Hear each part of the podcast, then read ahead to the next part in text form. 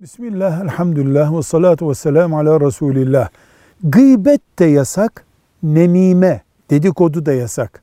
Bunlar aynı şeyler mi? Aynı kökten gelseler de aynı şeyler değil. Dedikodu her türlü sözün bir insan hakkında yayılması demektir.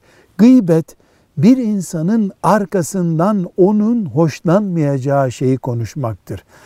Gıybet doğru da olabilir ama arkadan konuşulduğu için sakıncalıdır. Dedikodu yıpratma amaçlı olarak yapılan herhangi bir söz nakli demektir. Ama ikisi de yasaktır, ikisi de kul hakkıdır. Hele hele gıybet hassas bir kul hakkıdır.